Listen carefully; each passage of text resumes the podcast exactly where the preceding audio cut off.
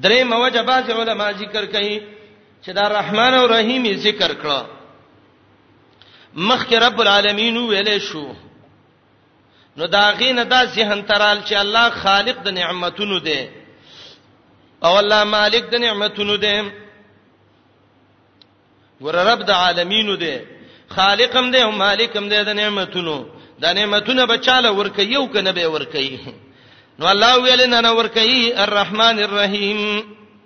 بالکل ورکه عام نعمتونه ورکه یو خاصه ورکه مالک النعم دی لیکن بخیل بالنعم نه دی محت النعم دی نعمتونه ورکه والله اعلم دا د الله د کتاب غ اسرار دي رازونه دي چې الله رب العالمین قران کې بعضی بعضی کې د بعضو بعضو خبرو ته اشاره کړې ده عثمان او کوي حمدن دی الله علام اغه الله الرحمن چې هغه به حد مهربان دی اغه الله الرحیم چې هغه همیشه رحمتونه والا دی یا عام مهربانو والا دی او خاص مهربانو والا دی عمومي مهرباني مشته او خصوصي مهرباني نه مشته د مقام پورې دوه دلایل ختم شو یو دلیل در رب العالمین دویم دلیل در رحمانیت مالک یوم الدین دا دریم دلیل دی الله الحمد دی ولی زکه الله مالک دی څوک چې مالک نو مملوک د مالک صفاتونه کوي من د الله مملوکان یو د الله مریان یو د الله بندگان یو بس د الله حمد دی الله لا من الله له حمد بیانو مالک یوم الدین دا دریم علت او دریم دلیل دی د الحمدلله د دې دعوی د پاره لفظ د مالک قران کې درې ځای ذکر دی مالکون د جمع صيغه یو ځل ده ملک دیار لسه راغله د قران کې یوم یوم مرفوع منصوب مجرور درې سوا نه څولېخ درې نیم سو کې یو کم ځل ذکر دی درې سوا نه ځل یومن منصوب شپاړ ځل یومکم پنځه ځل یومهم پنځه ځل یومین تسنیه درې ځای ایام جمع ویش یومئذ اویا ځل الدين درې کم ویا سل تعالی پس قران کې ذکر دی وش په تسل دینکم ایولزه دینه دوزه دینهم لزل دینی دوزل الله مالک دی یوم الدین دا غورسه د جزاء او د حساب مالک سمانا سفیان وی مالک دا معنا چې له الاختیار المطلق هغه سات دی چې مطلق اختیار دا غده د مخلوق اختیار نشته دی پوره اختیار من د ورځې د جزاء الله دی امام بغوی معالم التنزیل کې وایي مالک چاته وایي هو القادر على اختراع الاعيان من العدم الى الوجود هو القادر دا غزاد ته وایي چې قادر دی على اختراع الاعيان په پیدا کولو د موجوداتو او د زواتو من العدم الى الوجود چې د نش نشته کی ورمنګ نو الله پیدا کړو د دې وجنه لفظ د مالک مطلقاً چې ذکر شي علی الاطلاق امام قرطبی لیکلی دی اول جز یو سل یو څولېخ کې چې دا به د الله نه ما سوا د بل چا لپاره نه مستعمليږي الله مالک دی مالک یوم الدین دی مالک دې اختیار مند دی ټول اختیارات د الله رب العالمین د پاره دي ګوره دوه قسمه اختیارات وو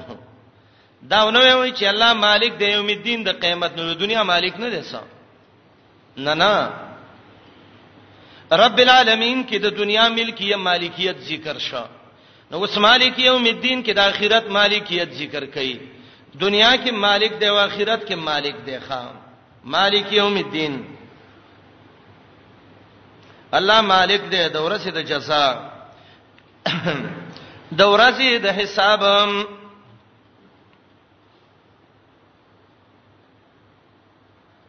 او د دې جملې دا معنی نه ده کنه چې د الله ملکیت چې ده دا عمومي ملکیت نشته دی لکه بعضی مشرکان دا وایي ير الله دی اولیاء لته ملکیت ورکړي چې اختیار ول ورکړي دي اندوان وای غوی ته د معاملې سپارلې د نظام چلای حکماو به ویلې عقل فعال ته سپارلې ده جبرئیل امین ته سپارلې ده اوس نظام جبرئیل څخه کوي الله خو یو دی نو یو کار بل کوي شل دل نشي کولای وای دا بی دینه خلکو ښا تمام ملکیتونه د الله رب العالمین د پاره دي ټول ملکیتونه بیا سرها چې دي دا د الله د پاره دي سوره بقره وګورئ دا چې ملکیت د الله د پاره ده ملکیتونه د رب العالمین د پاره دي د تمامو دغه مالک الله دی الله د ملکیت والا دی دا الله رب العالمین اختیار دی الله مالک دی وقال لهم نبيهم ان ايه ملكهم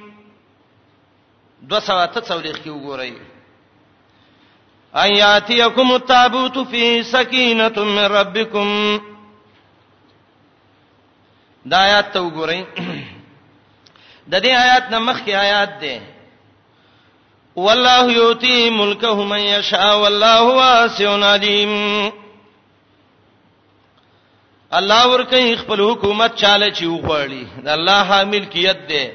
د خپل ملکیت نه الله ورکی چاله چې څه وغواړي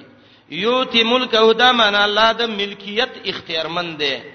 تمام مخلوق د الله مملوک دی الله مالک دی ال عمران وګورئ الله مالک دی د ټولو بادشاهانو شپږشتم آیات کې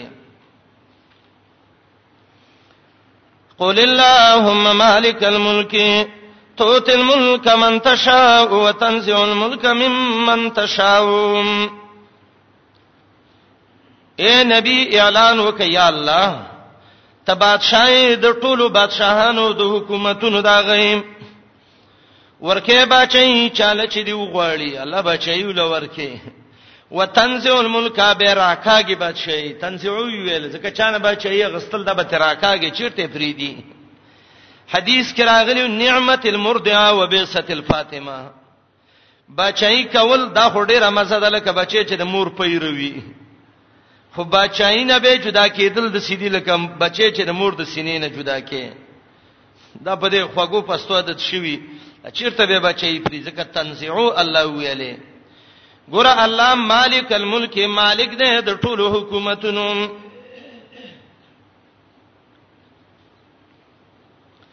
سورته انفطار کې براشي ان شاء الله والملک یومئذ لله تمام حکومتونه په دغه ورځ د الله د پاره به وي دلته سوال راځي چې دا الله ملکیت او حکومت خو عامو نو الله څنګه یوم الدین ویل چې الله د جزا د ورځې مالک دی د قیامت مالک دی الله خو عام حکومت وو نو بعضی مفسرین دا وایي چې قیامت ویل ځکه قیامت کې ټول حکومتونه به ختم شوي والملک یومئذ لله دویمه وجه چا دا ویلې قیامت کې به متکبرین او هغه خلک چې د الله د حکومت نه منکری د ملکیت او مالکیت نه هغه به معاجزي نو الله به ته وایي نن حکومت زما د را شي اوسه دفاع وکړي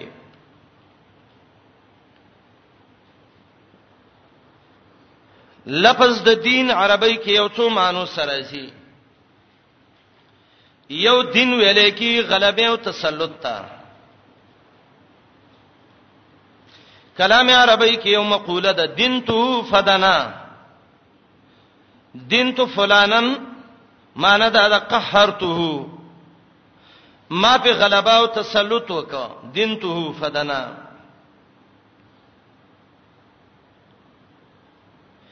دویمه معنی د دین د تابعداري او طاعه دا دواړه معنی چې غلبا او تسلط او طاعت سورته نحل 250 کې راغلي دي وله الدين واسبا الته دین په معنی د غلبې سم راځي او په معنی د طاعت او تابعداري سم راځي دین ویل کېږي شریعت تم سورۃ یونس یو سل څلور کې براشي ان کنتم په شک من دینی کزما شریعت کې تاسو شک کوئ یو سل څلور کې ال عمران نلس کې براشي پنځاتیا کې دین حساب او جزاء ته ویل کېږي یو چا سه حساب کول یو چا له بدل ور کول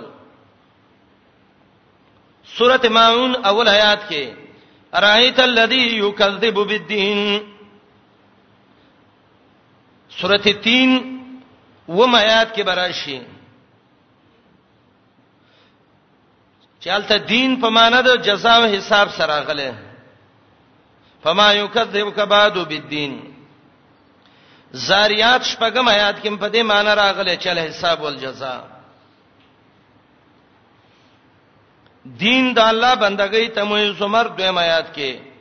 فعبد الله مخلصا له الدين دعا ته مې حامیم څوار د سمات کې براشي شرعي حکم نافذول دي تم دین وای نور دوی ما یاد کې براشي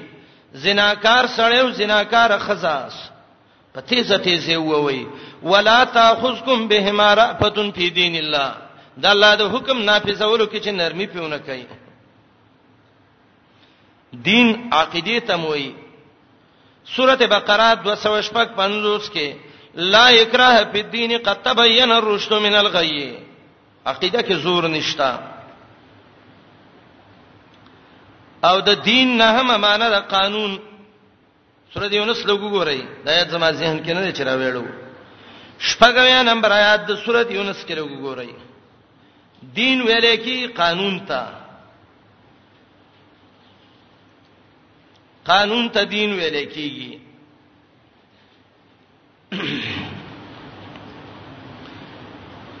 یوسف ګورئ غالبا د یونس نه یوسف دی د یوسف علی السلام واقعیا کې راځي بنیامین یې ونیو د ځان سره ځان سره راګیر کړي دي متویل موږ نه سقایه ورکه شوې ده سقایه د دې صدا خپل روري سره و مقصد دا و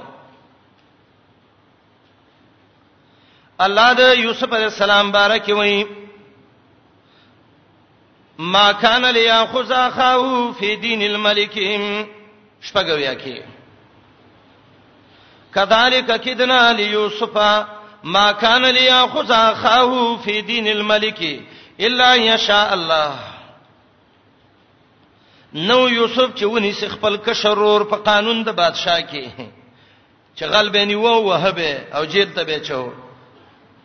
الا ان شاء الله دا غل نو دا خود څه سړیو چې الله ول درجه او چې تول نار په درجات من نشا وفوق كل ذي علم عليم الته دین په معنا د قانون سره زی او د دین خپل معنا د دین ویلې کیږي لغت کې جزاء ته ویلې کیږي یو څوک چې چاله جزاء او بدله ورکړي هغه ته دین وایي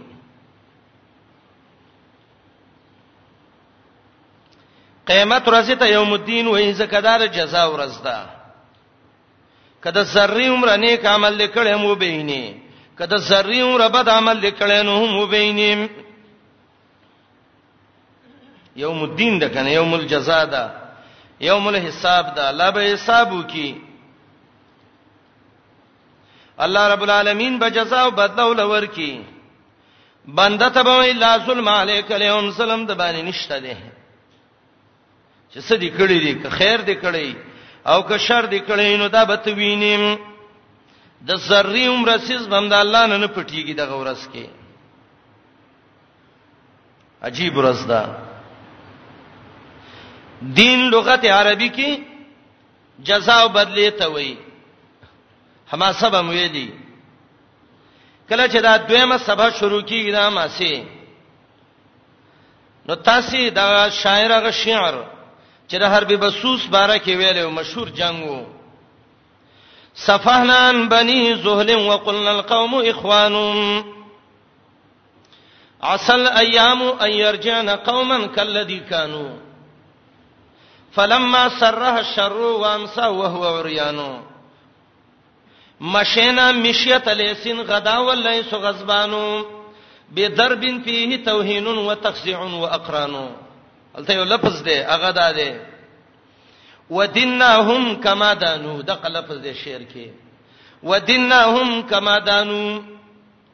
هغه چې موږ له څنګه بدلی را کولې اقه سي بدلی او جزاګانې ول موږ ورکړي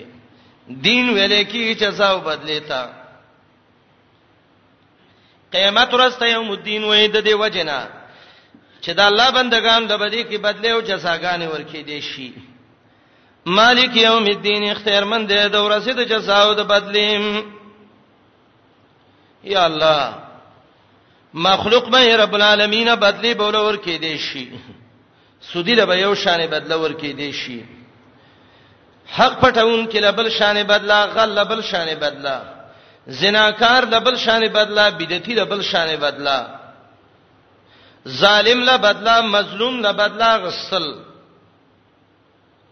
مالک یوم الدین د جزاء د دغه بدلی د ورکولو د ورځې مالک او اختیارمن الله دی د چا پیسې باندې چلیږي التا د چا به بچی نه چلیږي چې زور وکي قوت به نه چې زور وکي داوی ذکر کړه الله له حمد دې درې دلیل الله رب دې الله رحمان دې رحیم دې الله مالک دې یو شل منټه تفریح وکړئ به منور درس شو ان شاء الله لس بجې باندې به درس شروع کوو ان شاء الله سبحان الله ماشي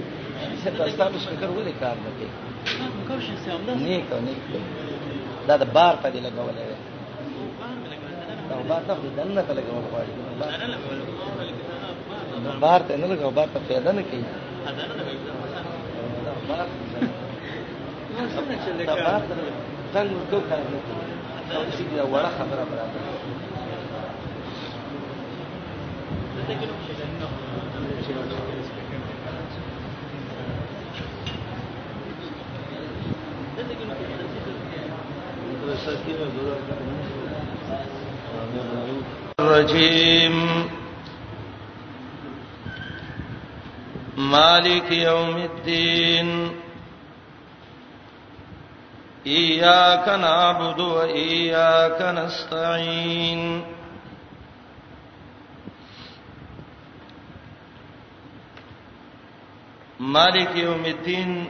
دا دریم دلیل وو د مخکینی داوی د پاره چې الحمدلله د آیات کې مخکې د دوو جملو د دوو لفظونو شرح شوی و چې یو ته ملکیت او مالک وي او دویم ته الدین وي دا یو لفظ چې لفظ د یوم ده په قران کریم کې دا په یو څو مانو سره مستعمل شوی دی عام او اکثره معنی د دې معروف معنی د چې ورسته یوم وایي او په دې معنی باندې ډېر عربی کې دا لفظ مستعمليږي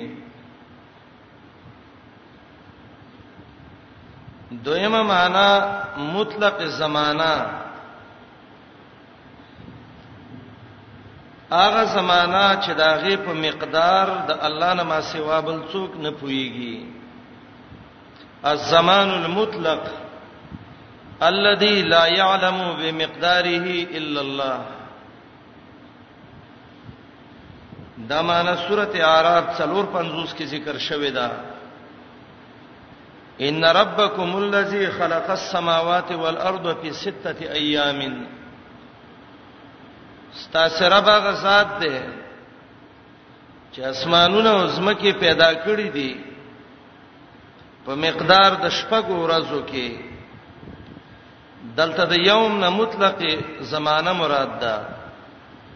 ځکه دغه وخت کې ورځ او شپې نه وي درېمه معنا یوم کله په معنا د نعمت سره زی او کله کله په معنی د عذاب سره زی سورته ابراهيم 15 آیات کې براشي وذکرهم بأيام الله د خلکو له الله په نعمتونو باندې تذکره ورکا یا ایام الله نه مراد عذابونه دي سورۃ الجاسیہ کې براشي 14 آیات کې لا يرجون ايام الله هغه خلک چې هغه عقیده نه ساتي د الله د نعمتونو او د الله د عذابونو خو یوم الدین چې ده چې د الدین سلفز د یوم راشي دا د قیامت د ورځې د نمونونو یو نوم دی او یوم الدین وتوي زکه دی ورځ کې جزاګان او بدله بندگانو لور کې دي شي دی ورځ ته یوم القیامه وای زکه دې کې به خلق الله ته ودرېږي یوم یقوم الناس لرب العالمین دته الساعه وای زکه دا ډېر زر قائميږي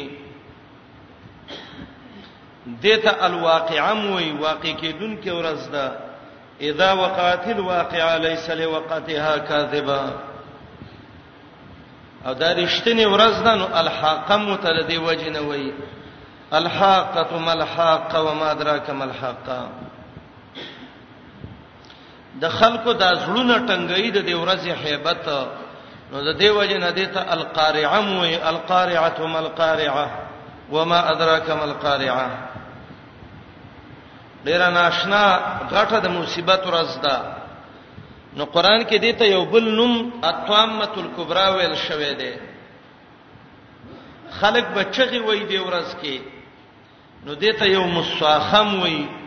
دا د قیامت نمونه دی یوم الحسره متوي خلق به ارمانونه کوي یوم الحسره قران چې وی یوم التناد متوي زکه دې ورځ کې خلق به ډېر چغي وی الله ته او دته یوم الطلاق موي ځکه دا د څه ورځ ده چې هر انسان به خپل عمل سم مخامخ شي او دته یومن ثقيله درنه ورځ موي د کار انسان به خپل سوچ او فکر کې راګیر شوی او یو درون پیټه به په پروتي او دته یوم الاشهاد موي ځکه پیغمبران به په امتینو گواہی کوي خلک به یو بل باندې گواهیان کوي او دته یوم المشهودم سورته بروج کې ویل شوی دا وشاهدین و مشهود او دته یوم العرض الاکبر وایي هغه ورځ چې ډیر لوی د خلک به ورپیش کیږي الله ته او د دینوم یو ورځ یو بل نوم دی چې هغه ته یوم الموعود وای او السماء ذات البروج والیوم الموعود هغه ورځ چې وعده شوې ده یوم الاذان هم دی ته وای حدیثو کې ته ویل شوې ده د چغو او د اذانونو او د اوازونو ورځ به وي دا ډیره سخت ورځ ده زمورونو هر انسان چې را پاتېږي نو په خپل دغه کې براګيري یو سوچ او همت او یو فکر کې چې الله زبر څه کومه فسوف ترى اذا كشف الغبار افرسن تحت رجلک ام حمارو و چې د قیامت ګرد غبار راوچت شي نو زر دې چې پته به ته ولېږي چې زوس په خر سورې مو که په اسمانه سورې ما او د یوم الحشر چې دا ډېر سخت ورځ ده د الله مخ ته به خلق ولاړی پیغمبران به گواهی نه کوي اندامونه به گواهی کوي انسان به د ګنا نه منکرې دي نه شي الله دې دې ورځ باندې زمونږ او ستاسو احوال صحیح کی الله دې ثبات او استقامت دغه کی دا ډیره سخت ورځ ده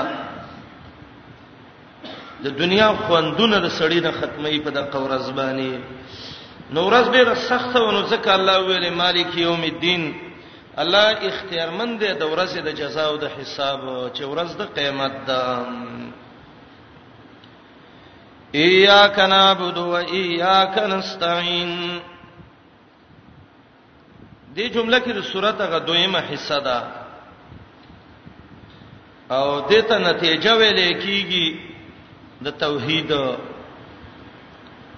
او دته نتیجه ویلې کیږي د حمد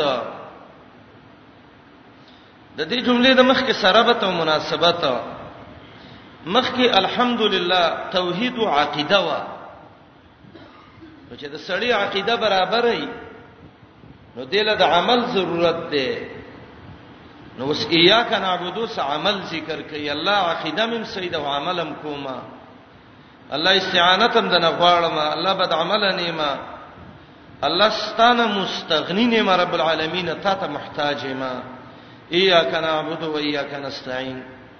نو الحمدلله کې عقیده وا او یا کنه عبد و یا کنه استعين کې عمل دی عمل او عقیده چې دواړه برابر شي دا ډېر خوان کوي نو فاتحه کې کامل سړی د الله جوړې د بندنه عقیدم صحیح کو عملم صحیح کا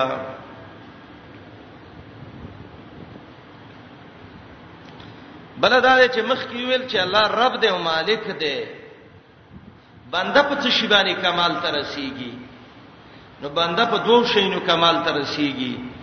یو دا چې خپل عبدیت ځان کې ومني او دویم دا چې ځان محتاج ومني نو یا کنا عبدو کې عبدیت او یا کنا استعین کې احتیاج شو احتیاج او عبدیت چې ده دا دواړه د سي امور دي چې په دې سره کمال د عبادت او د بنده راځي دریم مخکی ویل الله د دنیا مالک الحمدلله رب العالمین الله د اخرت مالک مالک یوم الدین نو دلته وی الله چې ته دونه د اوچت ملکیت دې ده نو رب زت اوچت عجز پیش کومه چې هغه العبادت لك والاستعانه منك الله بندگی تعالی او رب العالمین عاجزی او مدد غختل ستانه ایاک نعبدو نعبدو فعل فاعل دی او دا ایاک چې دی د مفعول دی او مفعول چې دی مقدم شوی دی علم بلاغت کې تاسو قاعده ویلې ده چې د یو شی حق روسته یو څوک مخ کې کی نو کلمه د ما او د الا او انما او تقدیم د محقه التاخير دا ټول وی حصر او اختصاص پیدا کوي خاصواله پیدا کوي نو ایاک نعبدو کې معنی دا ده الله خاص تا بندگی کو د بل هیڅ بندگی نه کوو و اياک نستعين الله خاص تانه مدد غواړو رب د بل هیڅ نه مدد نه غواړو دلته بعضی خلک دا یو وهم ذهن ته ولا راځي چې ایا کنا عبدو خدای مانو ده چې الله خاص تا بندگی کوو نو دا د بل چا بندگی چې نه کوو دا د څه شي نه معلومیږي دلته او ایاک نستعين الله خاص تانه مدد غواړو نو دا د بل شي نه چې مدد نه غواړو دا د کومې جملې نه معلومیږي دا غیورونو اصل وجه دا ده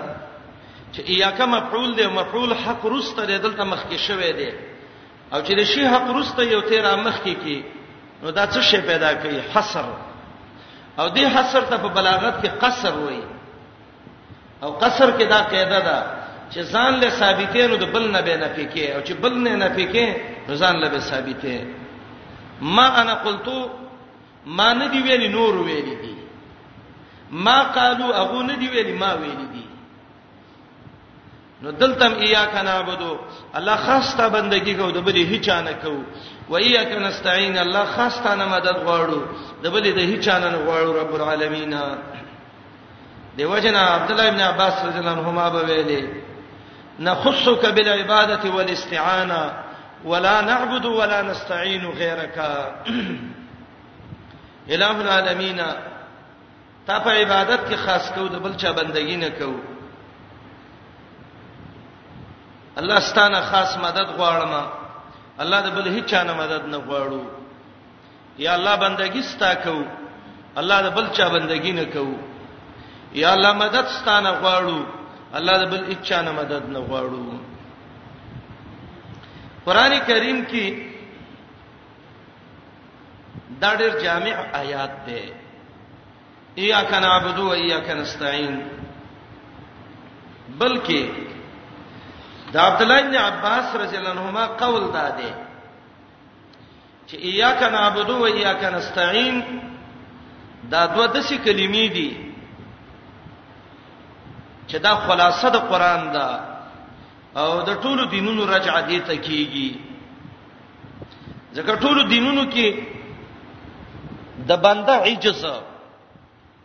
د الله قوت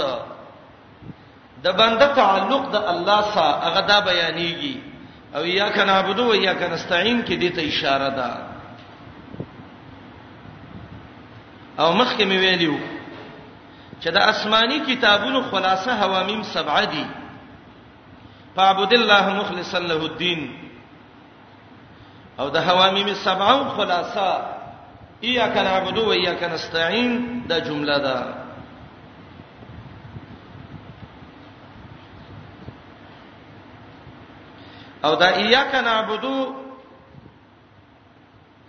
دې ته التفات ویل کېږي په کلام عربي کې خدا التفات د غایب نه مخاطب ته شوی دی التفات دې ته وایي یو کلام شروع دی د مخاطب صيغه ده نه څه په داغه نه غایب ته ودانګي یا د غایب نه متکلم ته لړ شي لکه دلته وګورئ الحمد لله رب العالمين الرحمن الرحيم مالك يوم الدين دا التفاتو د غایب نه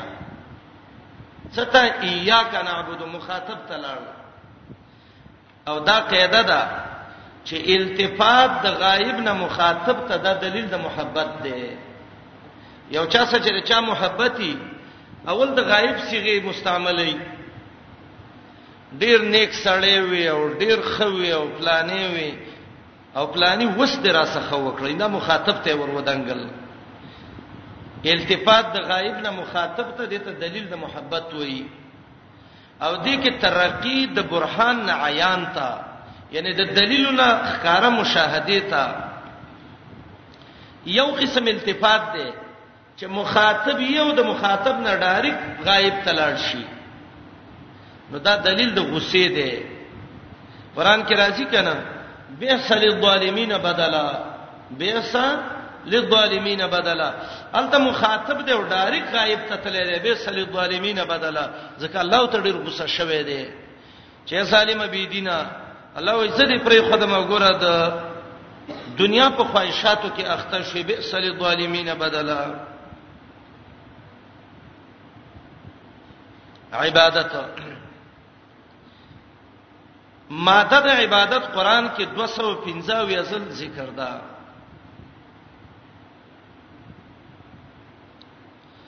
د عبادت لغوي معنی عربی کې عبادت عین با دال د دې خپل معنی د ذلت او عاجزی یو څوک چې چاته عجز پیش کوي ځان وته ذلیل کوي دته عبد وای وای دا عبد دی یعنی د مولا مخ کې ځان ذلیل کوي عربی کې یو مشهوره قاعده ده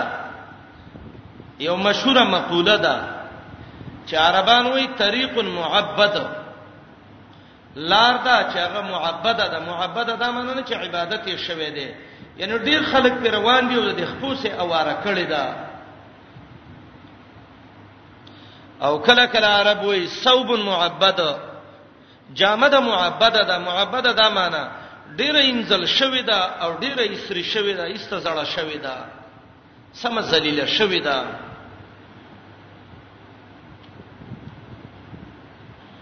د طرفه یو شعر دی د سمې معلقې کې شتا هغه وی تباری عتاق ناجیات و اتبعت وظیفا وظیفا فوق مور معبدی د خپل وخي صفت کوي هغه زما دا وخ رواني دا یو وخت پوچته یو دا بلګ دی او په هغه لارې چې فوق مور معبد د پاسه دغه لارې نه المور المعبد الطريق المذلل اغلار چې ډیر خلک پکېږي تیریږي او زی راځي په دا بالکل د ذلیل شوی دا دوړي کې پیدا شوی دی او عبادت عبادت د دې وجه نه وایي ځکه عبادت کوونکې ځان معبود ته ذلیل کوي قران کې د عبادت پنځه معنی مستعمل شوې دي یو معنی عبادت ملکیت ته ویل کیږي یو څوک چې مالکی او بلې مملوکی نو دیتا عبادت ویل کی العبادت الملکیه والملک والحکومه سوره شعراء وګورئ نو لسمه پارا سوره شعراء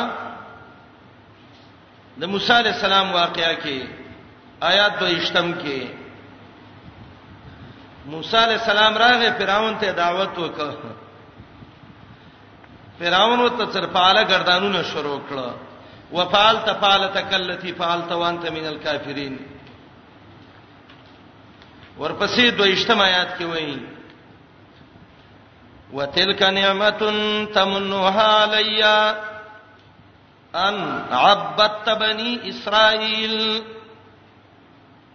آیات کې درې معنی کوم ګورئ یو معنی اے فرعون دا نعمت دې چې په ما اثباتي فرعون ته ویلو کنه بدمعشي په کړي وا الم نربک فینا ولیدا وړو کې نه ویلی شوې زما کور کې وسیم چې څوک دین وای ضرورت وای طالب خه خبره نشي کوله ولی یاره زمنګ په ډوړو مس شوې وړو کې الک ویو جوارو کر کې تلې وې وسرالې مسلې کې دا ته الله د سب پیدا کړی دا نور خلق نو فراون هم دا بدمعشي وکړه په موسی عليه السلام الم نربک فینا ولیدا وړو کې ولزما کور کې نیولې شوه ولبست فینا من عمرک سنین او مدین کې ولې موږ صدل ته مصر کې کلونه تیر نکړو موسی علی السلام جواب کوي دا جواب یاد کړي موسی علی السلام نه او بالکل وتلک نعمتون دغه نعمت ده تمنوها علیا چې په ما اثبات ته ان عبدت بنی اسرائیل چې بنی اسرائیل دې مرین کړی او ماته دې څنګه ویلې دا نعمت درا سکړې او زته اوس د ایمان نعمت خیم بدل الله خلاصوم زتا خو احسان کړو بنی اسرائیل مریان او زه دې آزاد کړم ما سره خکړی وسه زه خکوم راشه ایمان راوړ جهنم نه خلاص شي د ور د غلامۍ نه خلاص شي دویمه معنا دا نعمت دی چې په ما اثباتي ان عبدت بني اسرائيل چې بني اسرائيل دې مریم کړیو ظالما بني اسرائيل خزما قوم دې زما قوم دې ذلیل کړو او زما د قوم ذلت په ما نعمت حسابه زما قوم دې ذلیل کړي بني اسرائيل نو دا خو زما ذلت دې زتا د پخوانه ذلیل کړي ما بس په ما د ازبادنی کې درېمه معنا دا نعمت دی چې په ما باندې اسبادي چې بنی اسرائیل له مرین کړیو زما احسان ومنه ولی بنی اسرائیل غټلې و تام خړلې و ما خړلې دا زما قومینو ورور د ورور رزق خوري تاز من خړلې دا من غټلې و تاس پیڅټلې دا ته اوس په من باندې داس باندې وتلک نعمت تمنها علیا ان عبدت بنی اسرائیل عبادت تمانه دلته ملکیت دی په بنی اسرائیل کړو مملوکان دې ځان ګرځولیو بچی به دی ولاله لول خزی به دی ولا به حیا کولی ژوندۍ به دی پرې خودلې اے فرعون ته اوس د زما په قوم دی ملکیت کړي اوس دا په ماز باندې نو عبادت ویلې کیږي ملکیت ته یو چا باندې سورته مؤمنون وګورئ اتلسمه پارا سورته مؤمنون عبادت ملکیت پچا باندې چې په یو چا باندې د چا حکومت او ملکیت راغلی هغه ته عبادت ویل کیږي سورته مؤمنون اتلسمه سفاره وڅول اختمایات ته وګورئ السلام علیکم تعال کولو پخپلو دعا غانا حتا ته آیات نمبر دې وڅولې ختم د سورته مؤمنون د موسی آیات وڅولې ښکې د موسی علی السلام واقعیا کې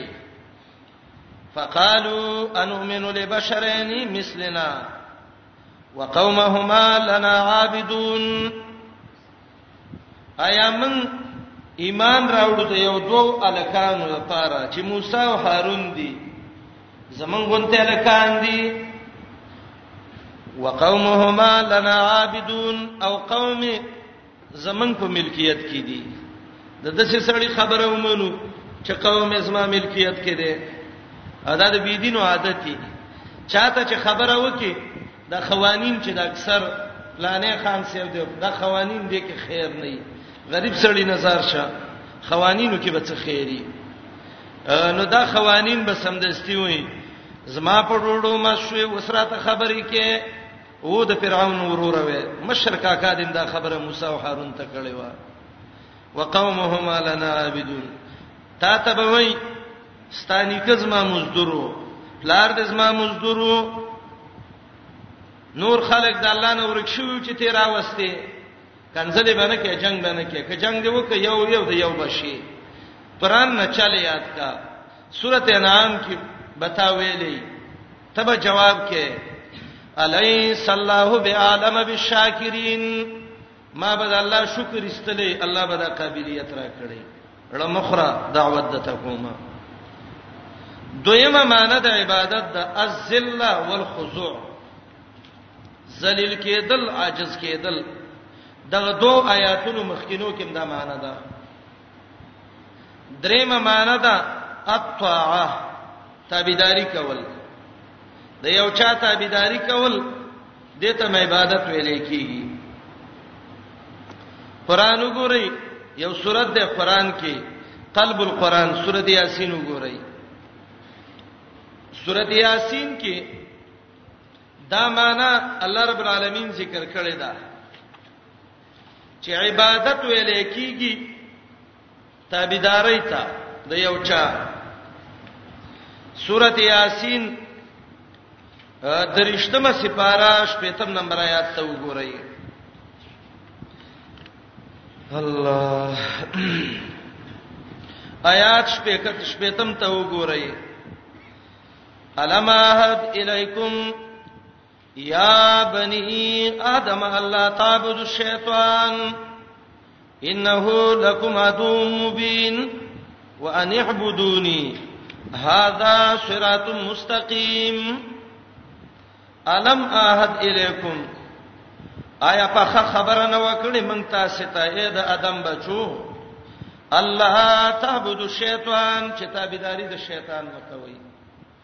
اے د ادم بچو غیرت ځان کې پیدا کړئ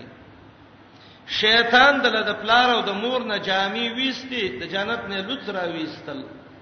د چا د مور نه چې چا جامي استلی د پلار نه ولې استلی داغه څخه خلک مرګرته کوي د شیطان خبره مما د استاد پلار دشمن دی د جنت نه ویستلې کنه جنت کې به وای دا ستاسو هغه دشمن دی الله تعبد الشیطان الله تطیع الشیطان درې معنا عبادت وی الحبس واللزوم بنواله او لازمه دل الحبس واللزوم دې معنی باندې قران کې نشته ده لغت عربی کې شته قران کې نشته بعض علما بعض آیاتونو کې دا معنی کوي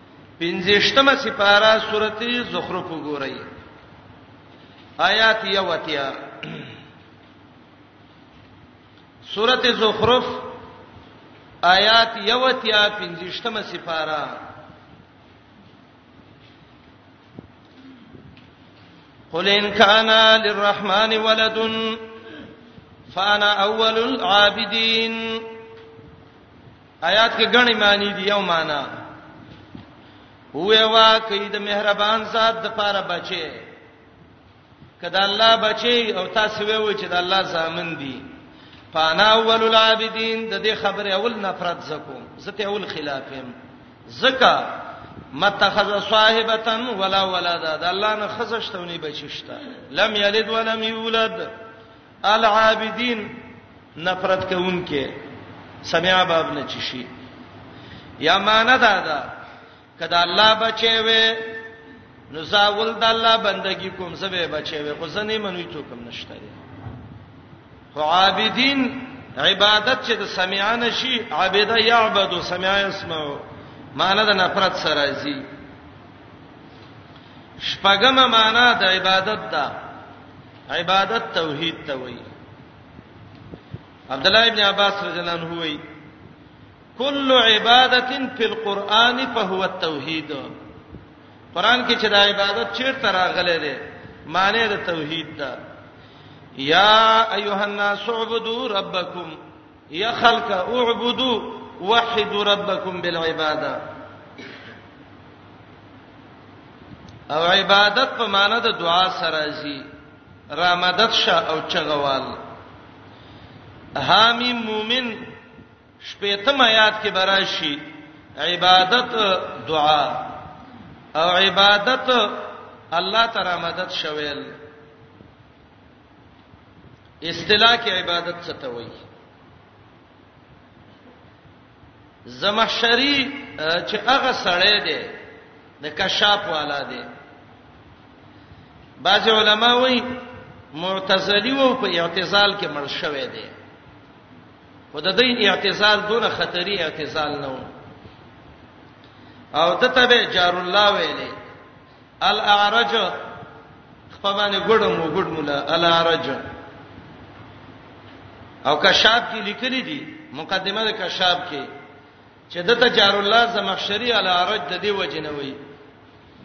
غالبا د شرجامی کې د حشو باندې لیکلي دي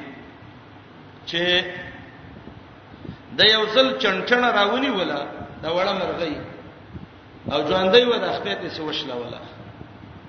موري ویل دا د دې باز مور د خپل کې د اخیره سم دستی پرته ای دسي بچی خپنې خوې شوی دا وی الله دې لیوانه کا په غر روان شي نو چې به داغي معمولی په سر دري نو به خله وازه کړی یا الله یا الله خو تا دوا کړی والله الله قبول کړم کار الله وک اگر ک الله دې په غر روان ک دا خو څه خیره نه ده یعنی الله دې صحیح سړی ک چې غر ته لاړ شي غر کې مجاهدین ني لادن صحیح سړی جوړ کی بای چې مین دې خیره ونه کی جوړه چې بخاری کې راغی قصه راځي منځ باندې ولاړو مور یو ته ویل اے جوړېجا اے جوړېجا په مونږ ولاړو دا عابد بنی اسرائیلو چراغ مور یو ته وی الله دې هغه پورې مو وجنه چې د زناکارو جنکو مخوینی الله دې تداوخی جوړېج په عبادت خانه کې مونږ کوي یو خزه ولراله او ته ویل ما سزنا وکړه او ته ویل الله دې تباہ او برباد کړه زه بندگی کوم که زنا ته ناشته ما وې شړلا اغلاړه پسند بالراعي یو شپن کې و داغه سه زنا وکړه ماشوم ته پیدا شو خزه ته ویل دا ماشوم چیرته و هغه ول دا خو د جوړې جنا دی په دې مسلمان باندې داوا وکړه زګه وته غصه ودا ولنه کما عقل خلقو بخاری کې دا روایت ده چې زنګو کې درې خلکو خبرې کړې یو صبي یو جوړیج دی ریوست او توي کورې د جوړیج معبد وسیز راويست وجني هغه توي مالک پرې د یو درکه د منځو کې منځه وک دعای وکړه الله مړ مې دي کی والله په ډېر خوش نوم مړ کېږم خو زنانه د کړي را او احادیث کې راځي خلکو ته ویل کوم بچی چې ویو چې ستانه دی اما شوم راولای ما شوم راو دی ګډه کې رسی وو دی کوته باندې او ته وای من ابا کپلار دی څوک دی الله ولد خلین راويست الرعی کلن پلانش پن کې د تزما پلار نه خلکو ویل چې د څنګه سړی دی ما شوم د بارکه خبره وکړه نو بس وای دا معبد د لوس د ذهب او د فضو نه جوړو هغه چې څنګه هم سیزلې دا سه جوړ کړي نور قصې را ته ما جوړوي وای دعا د مور د ډېر زر خیره لګي بچ دا خلی کنټرول کې مین دي خبره نه شي واغه کوپر وغری بچی ته چې حیران شي وتا یا الله دې ملک یا الله دې کافر کا یا لیوانه سپلانه شي دا قصې مکه وای به به ته جاړې نو چې سبا او ته جاړې نو دغه نه بچو ته خیره مکوي دعا او ته کوي استلا نو زمحشری د دې مرغین د خپويستا مور یو ته ویلې الله دې نه د سخ په وباسي لکه تا چې مرغین ویستا دا وای زه خه پوه شوم چې قصه خو را باندې وشوه روان شوم په خپل مې در راغې ډاکټر لورلم راته ویل چې دا خپل باندې کټ کو د زنګون کې به کټ کو وایمال چې نه نه کټ کوم در ډېرې ده اخیر دا چې بره را نه خپل کټ کړه چاوته ویل دا خپل څنګه د سی بیټې ما ګډه شو